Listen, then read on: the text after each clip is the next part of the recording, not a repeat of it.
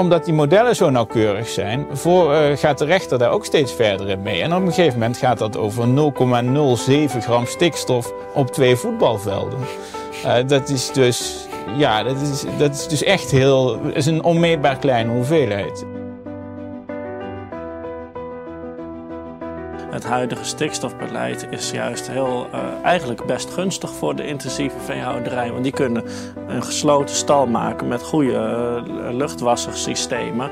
En dan zijn ze eigenlijk voor een belangrijk deel voldoen ze gewoon aan de depositienormen. Dat is interessant. Ter, terwijl, terwijl dus een biologische boer die een open stal heeft en die de dieren veel buiten laat lopen, die komt er in het model zoals het nu is ongunstig vanaf. En al helemaal als die dan ook nog in de buurt van een natuurgebied zit. Terwijl een biologische boer naast een natuurgebied is normaal, ja, loopt dat een beetje mooi in elkaar over. Dat zou je vanuit ruimtelijke ordening juist heel prettig uh, moeten vinden. Maar dan is, hij nu als een piekbelaster mee. En dan ligt hij onder uh, druk om zich te laten uitkopen voor, uh, voor geld. Terwijl hij misschien een opvolger heeft. van ons belastinggeld om zich te laten uitkopen. Terwijl dat eigenlijk het schoolvoorbeeld is van wat je zou willen als je jezelf toestaat om er weer op een politieke manier naar te kijken.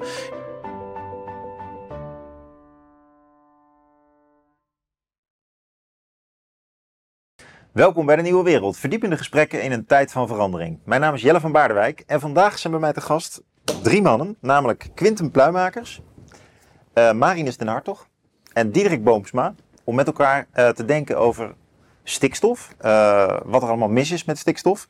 Althans, stikstofbeleid. Naar aanleiding van dit rapport van deze mannen.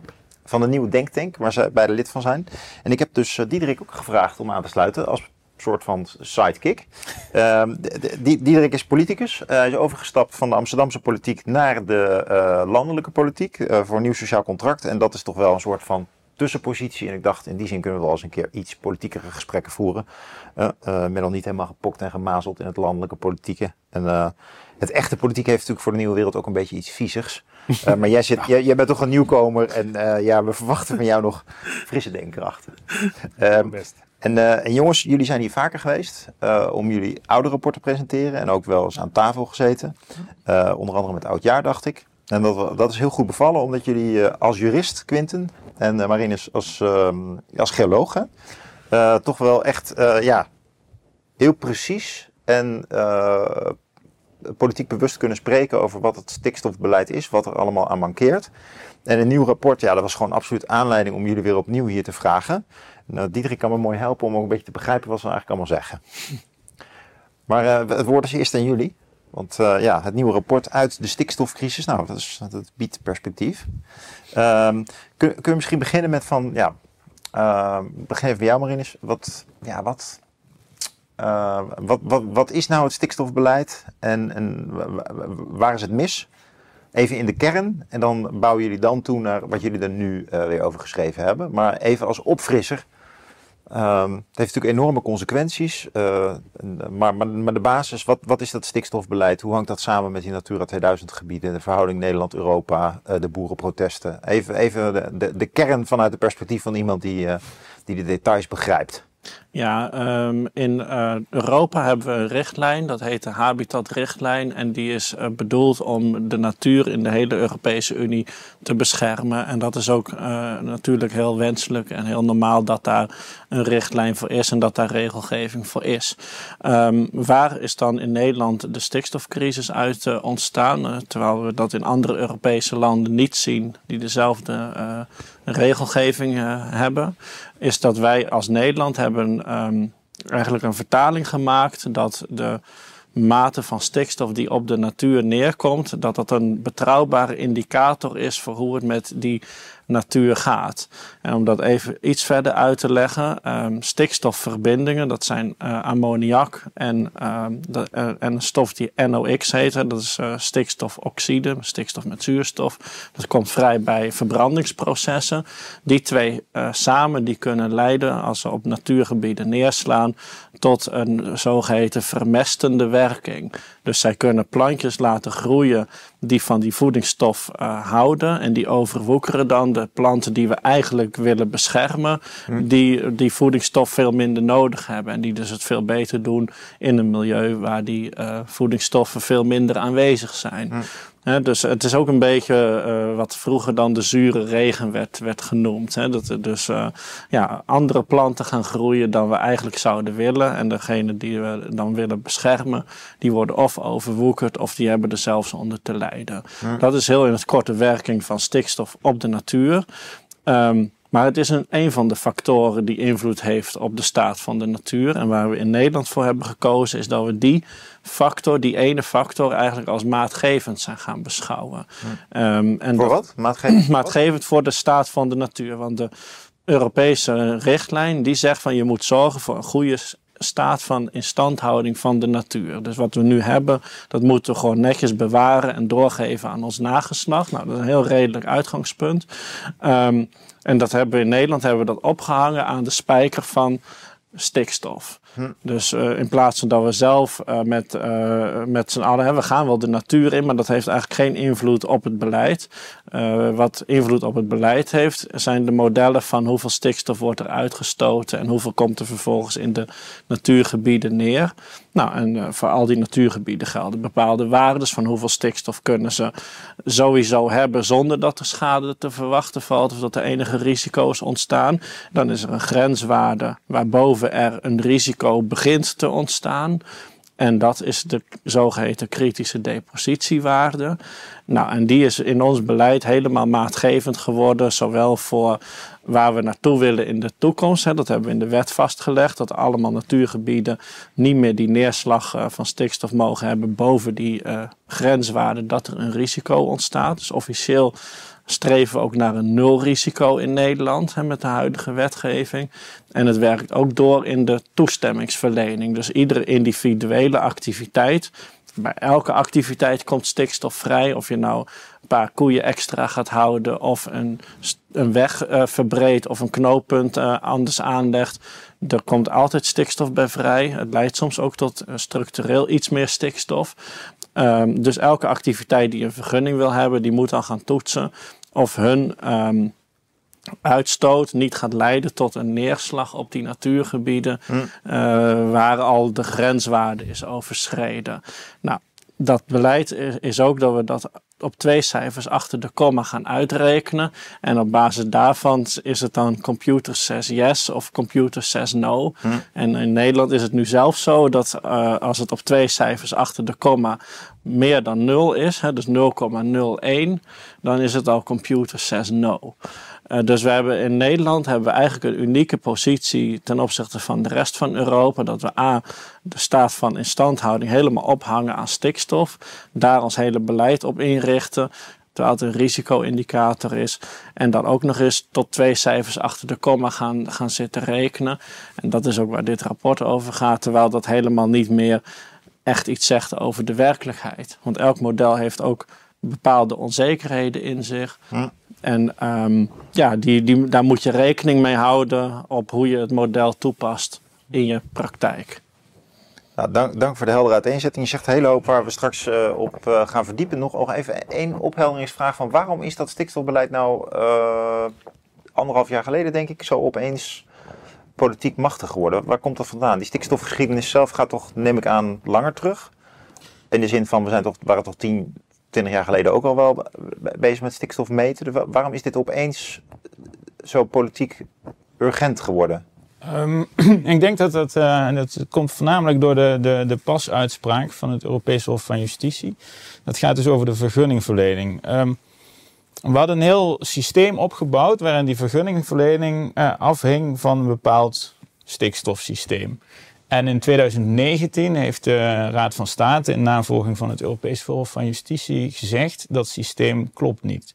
Dus daardoor kwamen alle uh, vergunningen uh, stil te liggen, of tenminste een groot deel daarvan. Hmm. Uh, en toen is het politiek urgent geworden. Eigenlijk zijn we sinds 2019 nog steeds bezig om manieren te vinden uh, om, uh, om die vergunningverlening weer op, op gang te brengen. Dat is echt het probleem, want stikstof speelt al veel langer. Eigenlijk is, is er sinds 1990 een enorme reductie van, uh, van stikstofdepositie plaatsgevonden. Op, gewoon met hele andere maatregelen. Zonder dat modelleren, zonder dat gedoe bij de, de toestemmingsverlening. Is dat, dus, is dat een gevolg van bewust beleid geweest? Ja, dat wel ja, er is wel beleid gevoerd om de uitstoot van stikstof te verminderen, zoals een verandering van uh, de mest op het land brengen door het door de lucht te spuiten en te verspreiden, dat het dan landt op het land, is het gekozen om het te injecteren. Nou, dan krijg je veel minder dat het in de lucht ook uh, de ammoniak uh, gaat ontsnappen en in de lucht blijft. Hè. Dus dat soort veranderingen en ook in de techniek van de verbrandingsprocessen zijn allemaal innovaties doorgevoerd. Dat is ook door normering is dat gebeurd. Dus normering is ook bewust beleid. En dat heeft uh, de uitstoot gigantisch teruggedrongen. En de, en de neerslag op natuurgebieden ook. Dat is heel effectief ja. beleid geweest. En dat is ongeveer sinds 2008 is dat eigenlijk uh, gestokt, die hm. neerslag. Maar, en dat is, dat is misschien toeval, maar uh, uh, dat valt precies samen met het moment dat we heel erg naar die modellen zijn gaan kijken. En niet meer gewoon naar algemene maatregelen die voor iedereen gelden.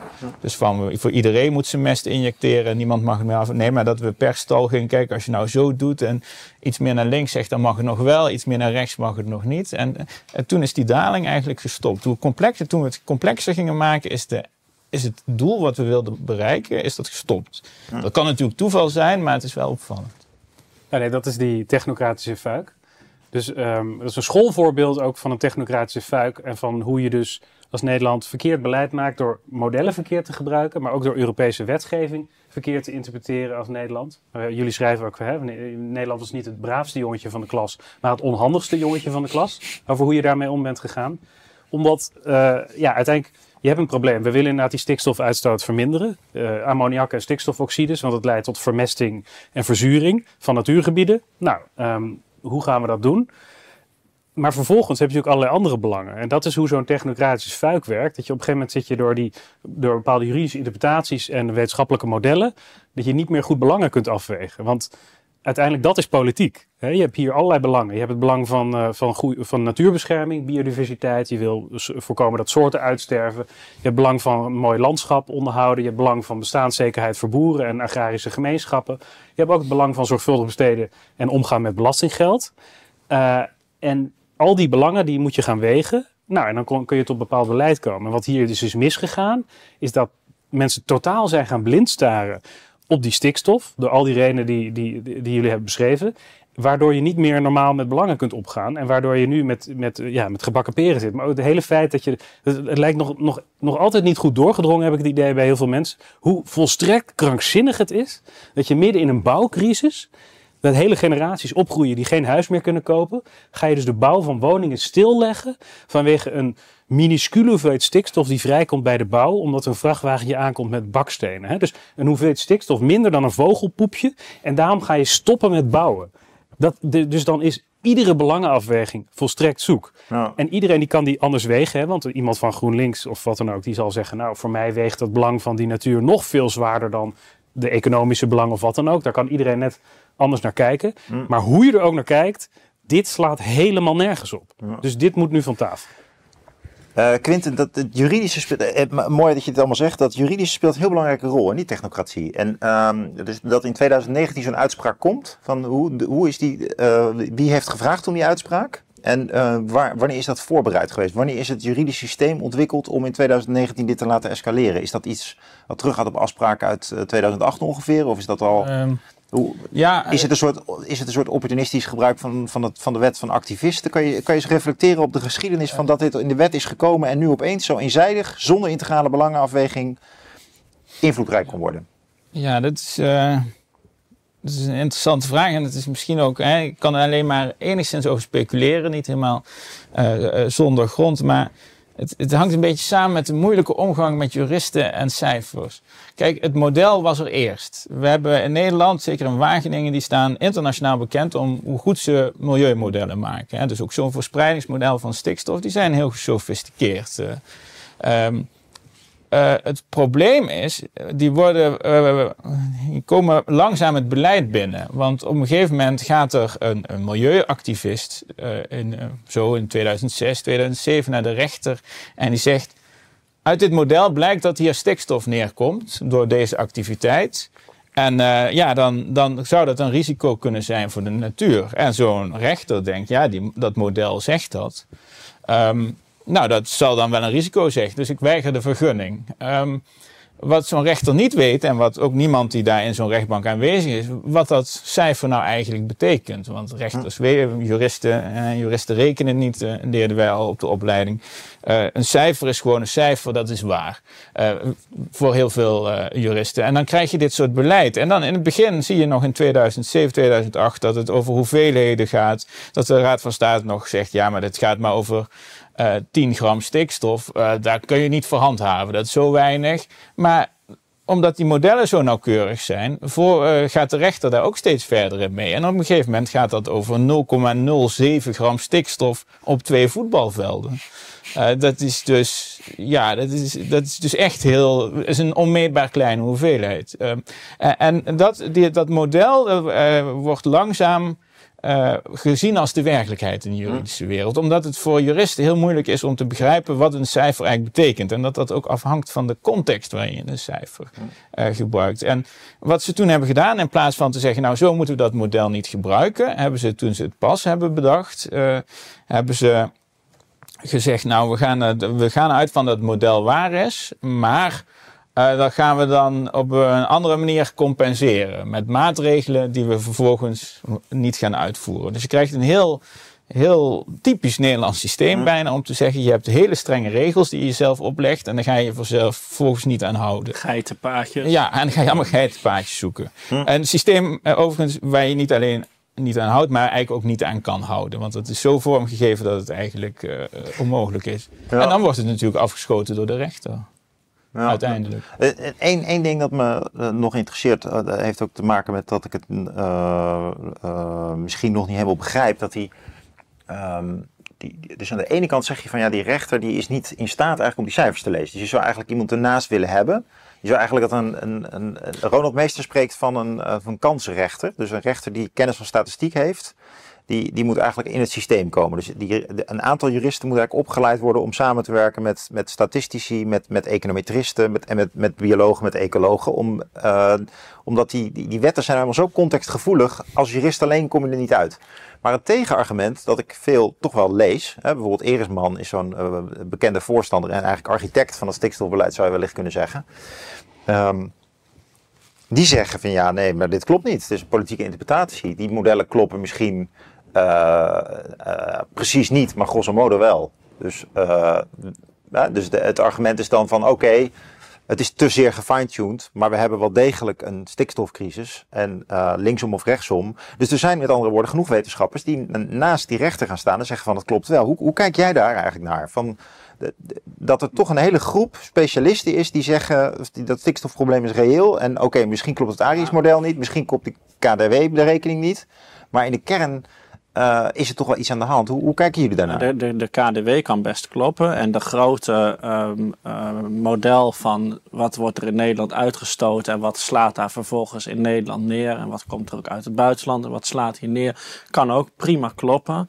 Maar doordat we het nu zo ingericht hebben, gaat eigenlijk alle aandacht zitten in het voorkomen van een beetje extra depositie, heel plaatsgebonden uh, wat zo groot is als een vogelpoepje verspreid over twee voetbalvelden, waar Quinten het al over had. Uh, en we zijn niet meer bezig met die grote hoop om die gewoon dunner te maken, terwijl uiteindelijk dat het meest effectief is om de depositie die werkelijk op de natuur neerkomt omlaag te krijgen. Dus, dus, dus we, zijn, wat Diederik ook zei, in die fuik gezwommen dat we ons nu blind staren. En dat is ook een kern van dit rapport op getallen die niet eens significant zijn. Dus een model heeft ook altijd een toepassingsbereik. Eh, je kunt het, binnen dat toepassingsbereik kun je het gebruiken. Maar er zit ook altijd een grens aan. En die grens die wordt bepaald door wat je er, uh, de, de, de onzekerheden in de metingen die je erin stopt. En de onzekerheden in de aannames waarmee je je berekeningen uh, inricht.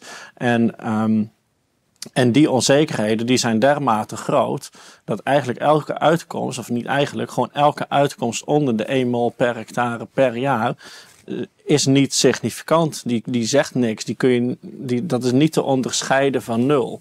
En, uh, op, dus dat, het is toch, toch, toch bizar. Dus jullie, jullie Dus je bekritiseren kunt- ook met dit, jullie bekritiseren eigenlijk het stikstofestablishment, waar hoogleraren in zitten, waar bestuurders in zitten. En jullie, jullie, je, je komt echt met grote uitspraken. Je zegt gewoon, jullie plakken een modelwerkelijkheid op de Ja. wereld. En de verschillen zijn zo groot tussen wat het model Ja, en, moet doen en hoe jullie het interpreteren, dat het gewoon eigenlijk niet deugt. Dus ja, en, het is een hele zware kritiek, hè, Diederik? Dus dit- Nou, ehm, ja, maar kijk, je zegt, eh, dus het, het gaat ook om twee verschillende rollen. Kijk, hoogleraren die kunnen een model maken en dat hebben ze ook gedaan. Dat is heel interessant, geeft inform- interessante informatie. Het model is in die zin ook niet fout. Het is natuurlijk niet de werkelijkheid. Er is altijd onnauwkeurigheden in. Alleen, het wordt gebruikt op een manier door bestuurders die niet klopt. En daar zit ook het probleem. Dus niet zozeer dat wetenschappers eh, modellen maken en terecht wijzen op het probleem van stikstof. Want dat moeten we ook Ja. dat moeten we aanpakken. Daar is iedereen het ook over eens. We moeten echt stappen zetten. Het probleem is juist dat het door verkeerde omgang met dat model, door verkeerde interpretatie van die cijfers, hebben we beleid dat en Nederland op het stikstofslot zet en niets wezenlijk heeft bereikt de afgelopen jaren in het reduceren van stikstofuitstoot. Omdat je naar de verkeerde dingen kijkt. Ja. Dus ja, dat model, daar is al veel eerder voor gezegd. Het model is interessant om grote, eh, om, om grosso modo te zien wat er gebeurt met stikstof, waar dat neerslaat. Maar er zitten allemaal eh, onzekerheden ook in. Het is niet geschikt voor vergunningverlening. En daar is het wel voor gehanteerd.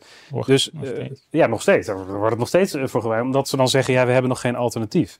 En het is ook, kijk, die, is inderdaad Wessel, die rechters die hebben een. ehm er ging over juristen, kunnen die nou met cijfers omgaan, inderdaad. Maar het is ook gewoon een punt dat die cijfers, die modellen, die wetenschap is input voor bestuurders. Maar is niet, eh, moet niet de beslissing zelf nemen. Want dan kom je weer met die belangenafweging. ja. Ja. En rechters, die wegen niet politieke belangen af. Dat is hun taak niet. Dat mogen ze ook niet doen. Dus een rechter die kijkt van, nou ja, wat zegt dit? Oh, eh, je- ja, eh, d- er is stikstofuitstoot en dat mag eigenlijk niet. Maar als vervolgens het gevolg is ja, dat dat 50 miljard kost en je geen enkele woning meer kan bouwen, terwijl de hoeveelheid stikstof zo minuscuul is, ja, dat is dan ook aan de bestuurders, aan de politiek, om een wetgeving te maken die, die dat meeneemt en die die belangen wel goed afweegt. Dus eh, dat, dat, dat is eigenlijk het, dat is het belangrijkste.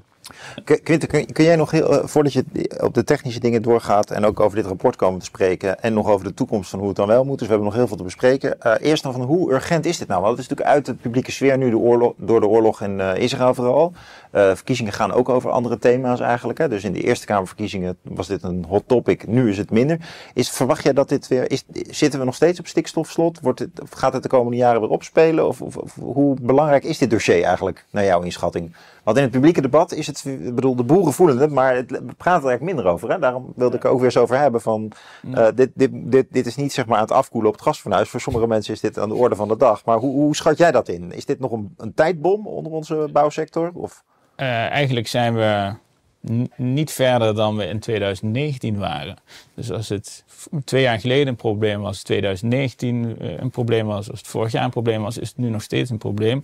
En er is ook geen zicht op dat met de huidige maatregelen of de, de, vo- de voorgestelde aanpak er wel een oplossing komt. Eh, De, de, de, dat Nationaal Programma Landelijk Gebied, wat eh, nu wordt uitgerold en waar allemaal provincies maatregelen moeten nemen, dat is geen enkele garantie dat we op die manier eh, uit deze impasse komen. Dat, dat wordt wel gezegd, maar daar, daar onderbreekt eigenlijk grotendeels de onderbouwing voor.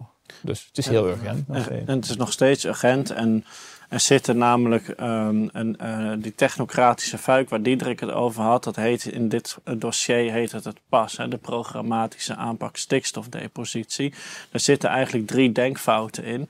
De eerste is dat dus de, de ehm, mate van stikstofdepositie wordt eigenlijk als een betrouwbare indicator voor de staat van de natuur gezien. Dus we gaan volledig op stikstofdepositie sturen en laten de rest zo goed als buiten beschouwing. Niet helemaal, maar zo goed als. De tweede eh, denkfout is de, dat we gingen zeggen van we gaan individuele ehm, eh, aanvragen toch toestemming geven. Omdat we algemeen het reductiebeleid eh, voeren. Dus dat, dat was het deel wat ook afgeschoten is in 2019. Want ja, uh, dat kan niet. Hè. Je kunt wel uitruilen, maar dan moet dat vaststaan. En uh, niet ergens in de toekomst algemeen generiek gebeuren. En de derde denkfout is dat we dus modeluitkomsten op twee cijfers achter de komma als waarheid gingen meenemen voor de besluitvorming. Terwijl het model tot 1 mol per hectare per jaar, daar kun je nog van zeggen dat daar kun je nog meenemen. Maar elk cijfer achter de komma is gewoon niet significant. En die drie denkfouten, daarvan is dus de, alleen de middelste, de tweede is gesneuveld. En die andere twee, die worden gewoon nog steeds gehandhaafd, waardoor we nog steeds in dezelfde technocratische fuik zitten. Maar dan sterker, want die tweede was eigenlijk het geitenpaadje om er pragmatisch mee om te gaan. En die hebben, we, die hebben we niet meer. En een alternatief is er ook nog steeds niet. Hm. Nou, er, er, is wel een alternatief. Jullie hebben het beschreven. Ja, ja. Dus. er is een alternatief. Maar het alternatief is niet op dit moment onderdeel van het beleid van de Rijksoverheid. Nee, dat zou wel moeten. Ja. ja. Maar als ik goed, punt 1 en 3 zijn dus belangrijk. Als ik even vertaal naar mezelf, dan zou je dus naar een... Um breder uh, natuurbeleid willen. Een breder natuurbehoudbeleid. Niet alleen om stikstof, maar stikstof moet er ook onderdeel van zijn. En punt drie is eigenlijk uh, dat je niet moet denken dat als je dingen gaat uitrekenen, dan dat de politieke beslissing dan kan worden weggedefinieerd in modellen. De, dus je, je, moet niet in getallen denken en dan die, die, die integrale belangenafweging, waar we net al even over hadden, die kun je uiteindelijk niet wegberekenen. Je moet op een gegeven moment toch zeggen van wat is de toekomst van het boerenbedrijf? Wat is de toekomst van, uh, van die Natura 2000 gebieden? En dat zijn kwalitatieve beslissingen. En ook al ga je rekenen, dan ja, je blijft uiteindelijk. je kunt dat niet objectiveren in een model. Uiteindelijk heeft het te maken met waar wil je naartoe met je natuur, met je landbouw, met je industrie, met je transport, je, je automobiliteit, je luchtvaart. Dat zijn de echte politieke vragen. Laten we daar nu een bepaalde details uit het rapport die ik ook nog uh, uh, wil bespreken met jullie, verhuis ik dan even tot later in het gesprek. Toch even hierop ingaan van ja, hoe zou je dan, um, hoe zou zo'n meer integrale belangenafweging van wat is natuur nog in dit land uh, dan wel kunnen maken? En dan, Diederik die wilde graag over spreken, neem ik aan, en ik ook. Maar toch eerst even naar jullie, want jullie zijn de, kriti criticasters van het huidige beleid. Dus wat, wat zijn de perspectieven waar we dan, moeten we dan zeggen van we hebben te veel Natura-gebieden, we, hebben, we, moeten, of, of, we hebben toch te veel boeren? Of hoe, wat zijn volgens jullie de parameters van een nieuw, nieuw discussieveld? Nou, we hebben in ieder geval niet te veel Natura 2000 gebieden. We hebben er 160, 190, ligt eraan hoe je telt.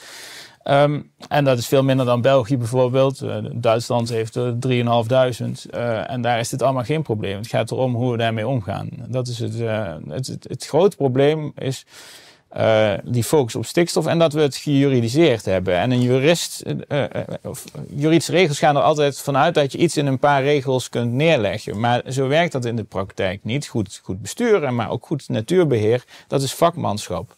Dat kan je niet vast omschrijven. Uh, schrijven. Dus dat betekent dat je mensen de vrijheid zult moeten laten. Dat je natuurbeheerders de vrijheid moet laten. Dat betekent dat je politici de vrijheid zou moeten laten om te zeggen, nou, we weten het niet zeker, want we weten eigenlijk bij niks wat de toekomst uh, uh, brengt. maar we gaan niet doen alsof we dat met een model wel zeker weten, want dat is natuurlijk ook niet maar, want het is maar een model. Dus, maar we doen gewoon, we werken op basis van meer principiële uitgangspunten. Hè. We denken gewoon, we moeten Misschien wel, maar dat is een politieke keuze. Misschien wel wat minder vee op sommige plaatsen, hè, waar nu echt heel veel eh, depositie is. Uh, uh, of, of uitstoot. Of, of, of, of gewoon wat meer diversiteit in het boerenlandschap. Hè, dat soort dingen. Dat zijn algemene principes waar je veel beter terecht kan komen. wat we vooral niet moeten doen is doorgaan op het huidige pad met allemaal cijfermatige doelstellingen stellen, uh, stellen en waar we dan ons hele beleid op focussen en de natuur uit het oog verliezen. Hm. Nou, dus Quinten brengt eigenlijk in van dus dat technocratische moet eraf, maar blijft vaag over, of vaag, eh, zegt eigenlijk vrijblijvend van, nou ja, zouden een kleinere veestapel of meer uh, gevarieerd landschap. Maar wat, wat zou er nog meer, waar, waar denk jij aan, Marinus? De, de, wanneer ja, een perspectief wat een alternatief kan. aan welke knoppen zouden we dan wel moeten nou, draaien? Als we ze niet cijfermatig en juridisch meteen willen wegdefiniëren, wat, waar hebben we het dan over? Het is heel belangrijk dat als de, de habitatrichtlijn vraagt om de staat van instandhouding van de natuur goed te houden, Dat we gaan kijken wat is nou eigenlijk de staat van instandhouding van de natuur. En dat we daar dus onze inspanning op richten. dus dat we gaan kijken van ehm, welke habitat komt hier nu voor en welke daar. Uh, en wat vinden we daar eigenlijk van? Welke dieren komen hier voor en welke daar? En wat vinden we daar eigenlijk van? Zijn dat exoten die we eigenlijk liever niet zien, omdat die andere inheemse soorten wegdrukken? Of zijn dat juist inheemse soorten die door een of andere lokale factor onder druk staan en kunnen we daar wat aan gaan doen? Dat is de manier waarop we hiermee om moeten gaan. En daar heeft dus een terreinbeheerder een grote mate van vrijheid, maar ook een grote mate van verantwoordelijkheid in. En je zou dat dus ook kunnen laten controleren hè, door een, een, een toezichthouder, zodat je een soort spel krijgt van eh, terreinbeheerder maakt een plan, toezichthouder kijkt of het plan een beetje redelijk is, terreinbeheerder uh, voert het plan uit en rapporteert wat het opgeleverd heeft. En dan kun je ook het weer in de, in de discussie trekken van ja, we kunnen ook bijvoorbeeld meer doen aan herstel, hè, naar een bepaalde situatie in het verleden teruggaan die misschien meer biologische diversiteit biedt. Maar daar zit ook een prijskaartje aan. En dan kun je de discussie weer gaan voeren van willen we dat? En dan, dan kom je weer in de politieke discussie terecht waarin je als verschillende partijen kunnen daar een verschillende mening over hebben. En vervolgens kan dan een van de bestuurders daar een knoop over doorhakken. En dat is het hele normale werkveld wat je eigenlijk gewoon weer wil reinstalleren, om het zo maar te zeggen. Hm. En dat, uh, dat is veel, um, heeft uiteindelijk veel meer effect in de echte wereld, als je op die manier gaat werken, dan uh, helemaal in de modelwereld blijven hangen. En dan ook nog eens niet significante getallen gaan gebruiken. Hm. Ja, ik besef weer meer dan de vorige keer hoe bureaucratisch dit vraagstuk eigenlijk geworden is. Jullie bekritiseren vooral dus dat er een soort van ja, bubbel van commentaar op die, stikstof gekomen is, die helemaal om zichzelf draait, waardoor de echte problemen niet worden opgepakt. Eigenlijk als we daar al vanaf komen, dan zijn we al heel stap vooruit. Nou, Diederik, toch eh, nog even naar jou, ook omdat jij uh, ook ecoloog bent. Dan, ja, hoe, hoe zouden we dit breder kunnen gaan bekijken? Dus ja, wat is natuur nog in dit land? Stel, we zouden wat willen schetsen daarover. Van, je zou ook bijvoorbeeld kunnen zeggen van ja, Nederland, ja, in de, de wereldwijde biodiversiteit spelen we niet een hele grote rol. In de wereldwijde voedselvoorziening wel. Is het eigenlijk wel de goede discussie om zo in te zetten op die, op die, op die biodiversiteit? Uh, dus niet langs die stikstoflijnen, maar dat moet je eigenlijk breder doen. Of is dat eigenlijk sowieso niet zo'n heel groot issue in Nederland als je bedenkt, ja, we hebben natuurlijk wel wat belangrijke, de Waddengebied, de Biesposten. Ja, we hebben niet zoveel grote natuur als Frankrijk, laat staan uh, Brazilië. Dus de, hoe, hoe, kijk jij eigenlijk naar de, de, achterliggende vraag hier eigenlijk? Wat willen we met uh, na, natuur in Nederland als we zeggen van nou, de stikstof is een manier van kijken en niet de manier. Maar wat, wat komt er voor in de plaats wat jou betreft? Ja, nou, um, ik, vind ik denk dat het heel goed is en heel belangrijk dat wij uh, waardevolle natuur in Nederland proberen te beschermen. En vanwege de biodiversiteit, maar ook de landschappelijke, de schoonheid van het landschap en de andere waarden die daarbij horen. Dus dat kunnen we ook zeker doen.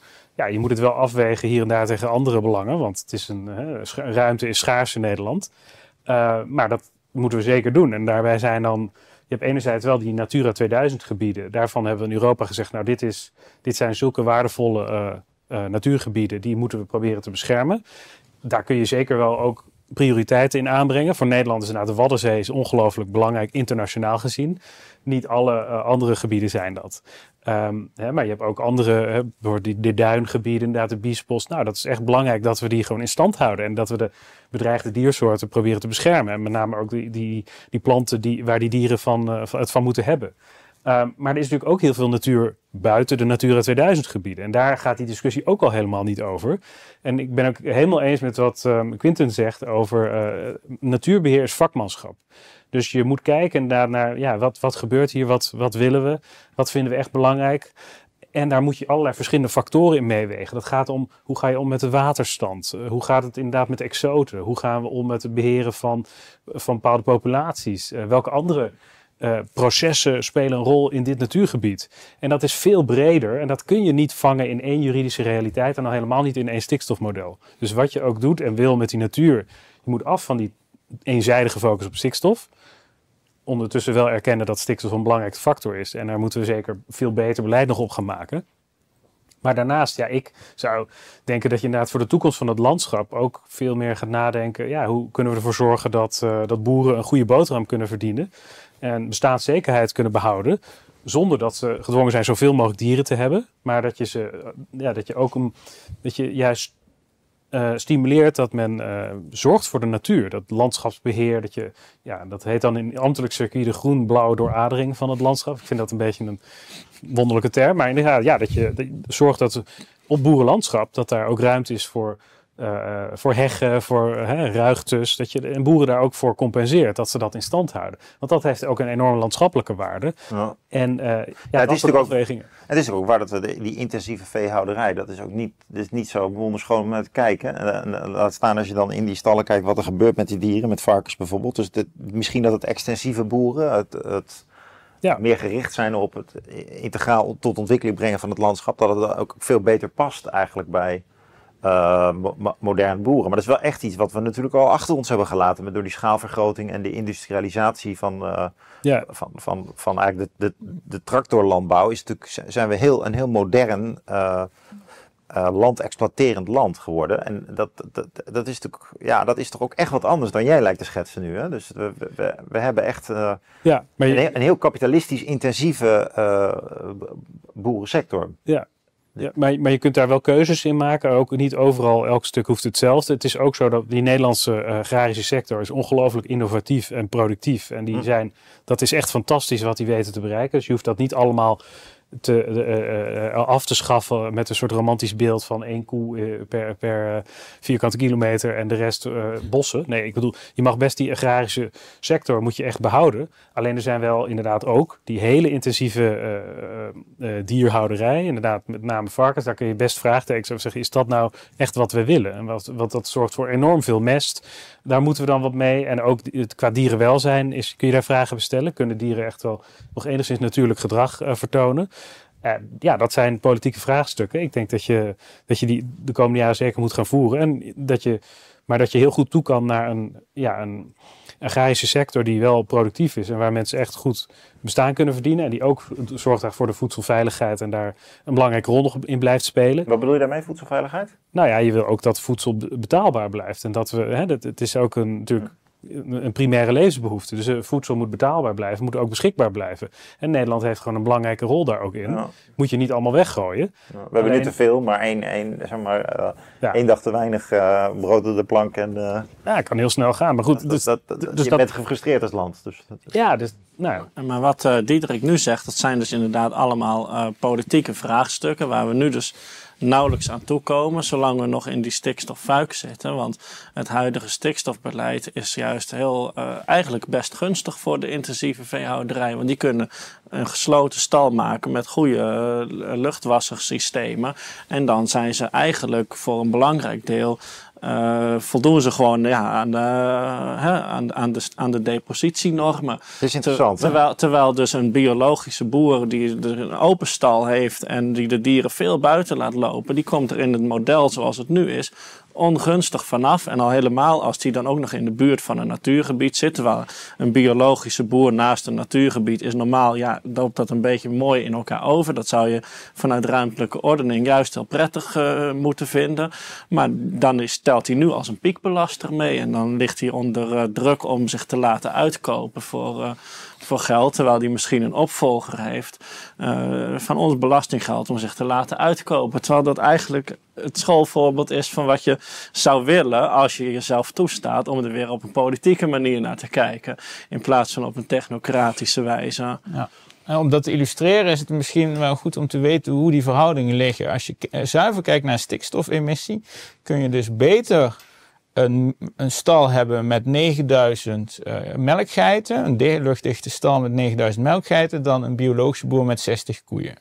Als je dus stuurt op stikstof, dan krijg je uiteindelijk een landbouw, of een, zeker een veeteelt, die daar zich op richt. Dat zijn de verhoudingen hoe het speelt. Dus het is, het is echt heel erg ontwrichtend. Eh. Ja, het Planbureau voor de Leefomgeving heeft het ook met zoveel woorden opgeschreven. Dat als we deze doelen die nu in de wet staan met puur de stikstofdepositiedoelen, als we die willen halen, dat er dan van een open landbouw eigenlijk vrijwel geen sprake meer zal zijn in in ieder geval meer dan de helft van Nederland niet.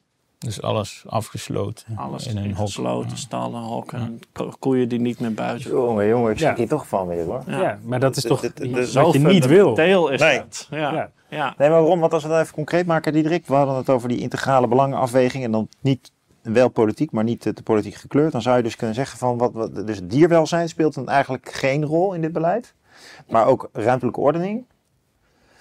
Eh, als je het hebt over eh, ja, de toekomst van de gewone boeren eigenlijk. Want dat zijn natuurlijk de industrialisatieboeren die, dit, die, Ja. die gewoon tonnen kunnen investeren. Nou, alle boeren moeten natuurlijk investeren. Maar eh, ik bedoel, ik neem aan zo'n luchtdicht geitenboer. Die zal toch wel, ja, dan heb je toch wel over een miljoen waarschijnlijk om zo'n ding neer te zetten. hè, Als het niet meer is. Ja. Je hebt het echt over heel specifiek type eh grote herenboeren. Ja. Dus je hebt, eh, dat gaat niet over de MKB'ers, die, de, hè, Nee, dus de, de, zo zie je dat. eh, die- de low-tech boeren, daar, gaat, daar heb je het niet over. Nee, dus, die- dus je hebt die, die dimensies, die, die ja, ruimtelijke ordening, dierwelzijn, welk type boer, die, ja, allemaal negatieve neveneffecten van de eenzijdige focus op stikstof. Waardoor je al die andere belangen eigenlijk verwaarloost. En waardoor het juist ook slechter wordt. Dus eh, ja, dat, dat is. En daarom moet je dit soort dingen integraal bekijken. Moet je kijken wat zijn de verschillende belangen, wat willen we. En op basis daarvan beleid maken. En je niet blind staren op één model dat eh, alles dat dan de uitkomst geeft. Want dan, dan krijg je dit. Ja. Als je blind staart op één ding, dan krijg je allemaal negatieve neveneffecten. En ja, dat leidt tot een eh, agrarische toekomst die eigenlijk niemand wil. Ja, nou is het zo dat de BBB zit in de Eerste Kamer eh, als machtigste partij. Die zou wel eens kunnen flirten in de Tweede Kamer straks als ze groot genoeg worden. En dan is er hoop dat het stikstofbeleid verandert. Maar die hoop is niet heel groot eh, bij mij, eerlijk gezegd. Ik, ik, ik, ik heb ook wel een beetje gevoel voor de technocratie. Ik werk ook op een universiteit en hogeschool. Ik weet hoe die bestuurders denken. Die weten altijd hun eigen geitenpaardjes wel te bewandelen. Dus ik heb een behoorlijk hard hoofd in. Van de, dit zou ook gewoon radicaal doorgezet kunnen worden. Dat, dus dan komt dat scenario uit. Eh, dus dus eh, daarom toch belangrijk om even het rapport in te gaan, Quinten. Om nog even, stel, eh, je, je bent hier boos over, je bent boer of je bent beleidsmaker, je bent jurist, je wil hier de aanval op openen. Dat is, ik denk dat dat nodig is, dus ik- moeten we niet naïef over zijn.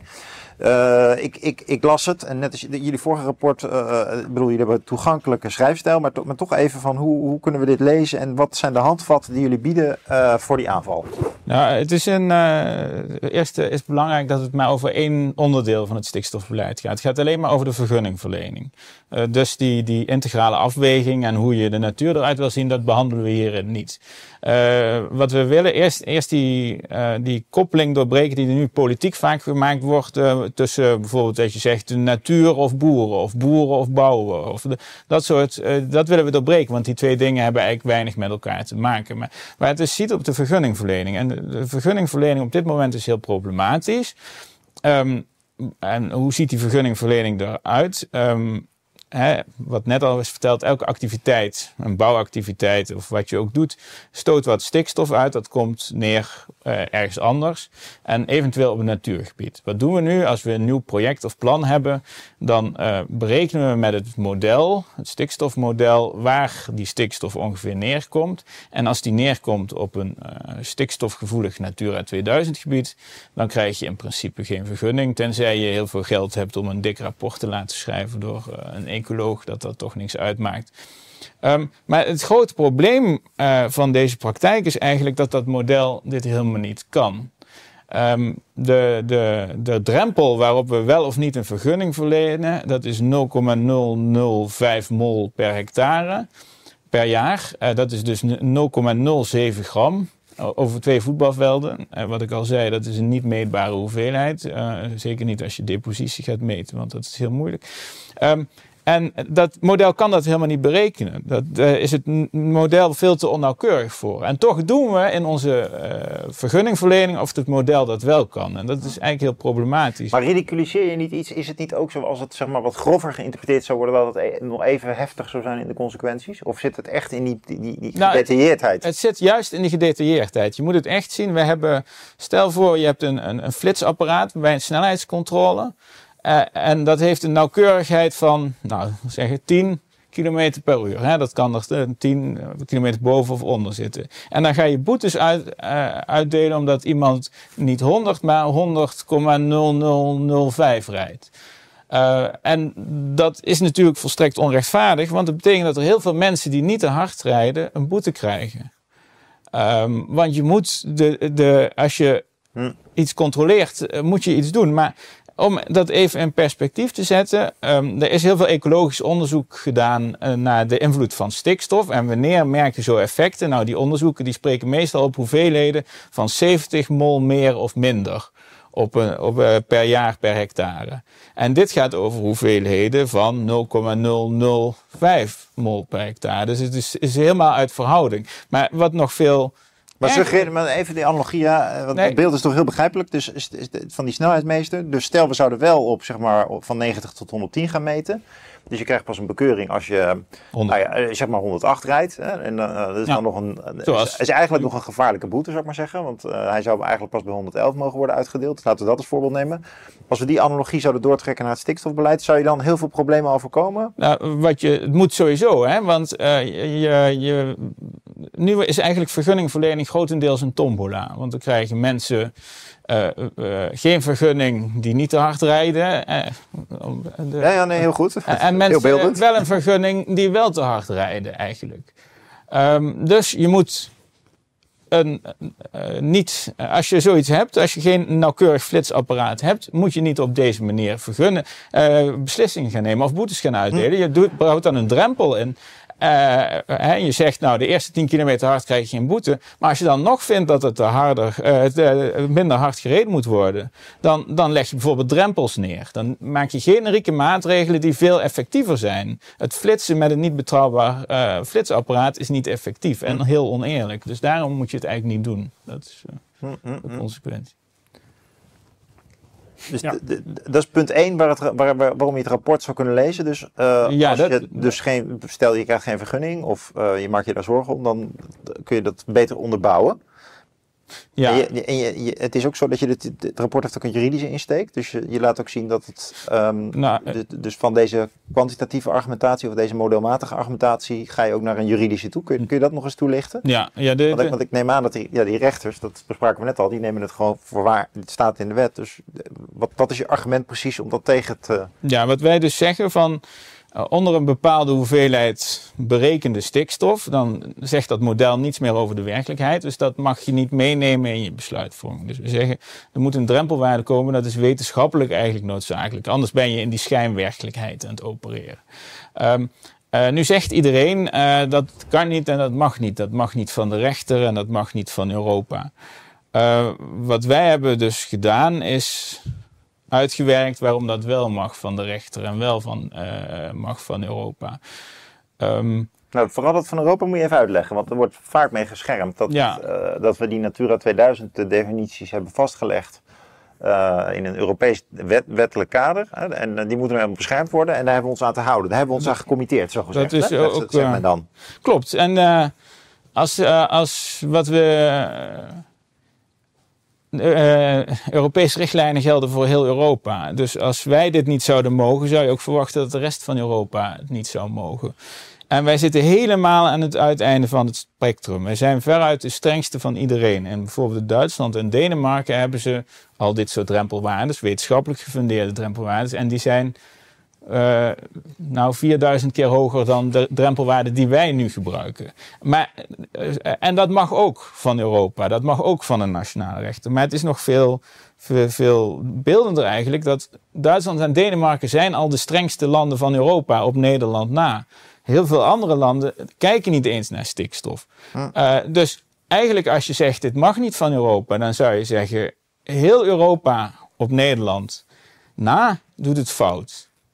Uh, dus dat is, dat is een argument uh, wat ik heel ongeloofwaardig vind eigenlijk. Om, ja, uh, maar dat, ik ook, maar ik kan me zomaar mensen voorstellen die juist denken dat wij voorop lopen. Dat, dat kan, ja. maar het, het, ik kan ook niet voorstellen dat we van Europa beslissingen zouden moeten laten afhangen van modeluitkomsten die niks zeggen over de werkelijkheid. Dat is, dat is, ook het concept is heel wat onbegrijpelijk. Sterker nog, de, de Europese richtlijn spreekt ook juist bewust over significante effecten. Dus je hebt gewoon de ruimte en, en zelfs ook de plicht om niet significante uh, effecten, niet significante modelwaarden buiten beschouwing te laten. Want als het niet significant is, dan hoef je het dus niet, dan hoor je het niet mee te nemen. En dat is dus het voorbeeld van de snelheidscamera. Uh, maar dat soort voorbeelden zijn er natuurlijk meer. En hier doen we dat dus wel. We gaan dus op twee cijfers achter de komma berekenen. Dat nemen we voor waar aan, terwijl het model met de beste wil van de wereld, en dat is waar we ook in dit rapport een expert naar hebben laten kijken. Met de beste wil van de wereld kan het model niet achter de komma rekenen. Dus eh, een waarde van 1 mol per hectare per jaar, dat is eigenlijk een minimale waarde waarvan je nog kan zeggen dat zou echt iets, een iets betekenende modeluitkomst kunnen zijn waar je als bestuur rekening mee wil houden. Ja, en in, het, uh, in april van dit jaar heeft de Raad van State een uitspraak gedaan die eigenlijk ongeveer over hetzelfde gaat. Het gaat over, uh, over de A15-uitspraak is dat. En daarin zegt de Raad van State, naar aanleiding van iets wat de minister voor Infrastructuur en Waterstaat had bedacht, van na 25 kilometer zegt dat stikstofmodel niet meer iets fatsoenlijks over waar de stikstof neerkomt.